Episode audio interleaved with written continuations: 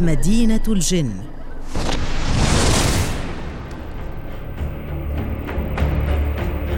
سور غريب وعجيب. دقيق الإنشاء. لا مثيل له في بقاع الأرض. هذا السور حصرا ليس ببعيد عنا. ليس سور الصين أو سور بابل أو دمشق. هو سور في شبه الجزيرة العربية وتحديدا في سلطنة عمان. الحكاية حول هذا السور غريبة ومخيفة فلا أحد تقريبا يعرف كيف ومتى ومن بناه. وهنا أقول تقريبا لأنه يمكن أن يكون لبعض الأشخاص معرفة بهذا الأمر. فبين ليلة وضحاها حوطت مدينة بهلاء التي تقع جنوب غرب العاصمة العمانية مسقط بنحو 200 كيلومتر بسور مهيب يصل طوله إلى نحو 13 كيلومترا حيث استيقظ الأهالي ليجدوا أنفسهم محاطين بهذا السور العجيب. هذه المدينة تمتد جذورها إلى الألفية الثالثة قبل الميلاد. وقد صنفت من بين أشهر خمس مدن عالمية يسكنها الجن. نعم فقد اشتهر الناس هناك بمعرفتهم الواسعة بعلوم السحر الدفينة وامتلاك القوى الخارقة وكلمة بهلاء تعني جامع الخير أو جاب الخير ويقال إنها سميت على اسم الجبل الذي تقيم عليه. عموما يتحدث الكثير ممن زاروا تلك المدينة عن أمور غريبة حصلت معهم كنشوب الحرائق في الشتاء بشكل عفوي أو انهيار الجدران والموت المبكر لشخص قد لمس شجرة والكثير من الحكايات والأساطير التي تؤكد على لسان السكان المحليين أن الجن هم من بنوا وفعلوا هذه الأشياء. لكن كيف بدأت القصة؟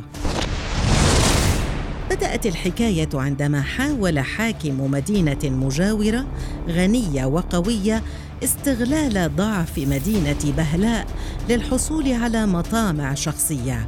فكان يجبر حاكم بهلاء على دفع مبالغ مالية كبيرة شهريا لقاء حمايتهم وعدم التعرض لهم. وبطبيعة الحال شعب المدينة هو من كان يتضرر بشكل مباشر من هذا الأمر فما كان منهم إلا أن التجأوا للسحر الذين عرفوا ببراعتهم به.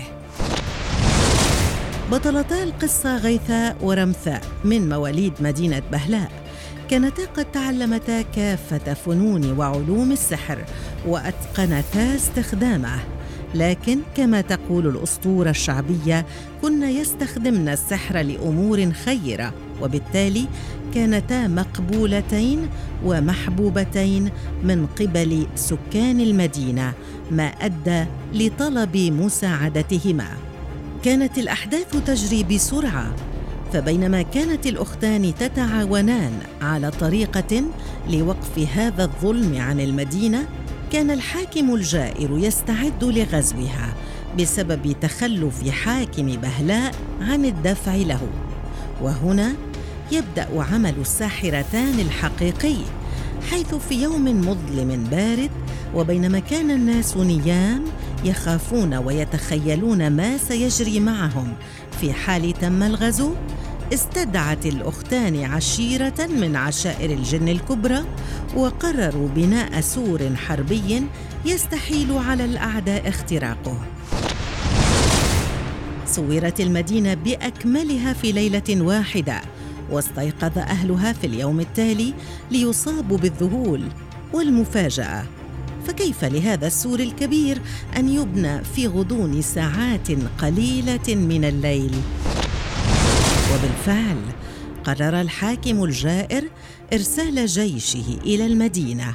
لكن عند الوصول تفاجأوا بوجود هذا السور أمامهم وذعروا من نفثات النار التي تخرج منه فعادوا أدراجهم خائبين.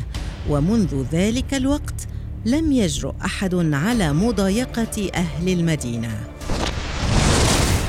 لا لم تنتهي القصة هنا بل يقال إن الجن أنفسهم قرروا حماية القلعة قلعة بهلاء بنفسهم. فإلى اليوم هناك الكثير من القصص حول أن من يقترب من القلعة سيصيبه الضرر لا محالة. ويقال إنهم قد شيدوا غرفا سرية ومن استطاع الوصول إليها من بني البشر خرج فاقدا لبصره. حكاية أخرى عن القلعة الغريبة تقول إن أهل المدينة قرروا أن يرجموا ساحرا شريرا بينهم وعليه قام بلعن القلعة عن طريق منع ترميمها. فعند وقوع أي جدار فيها لا يمكن ترميمه أو رفعه بأية طريقة. الغرائب لا تتوقف في تلك المدينة.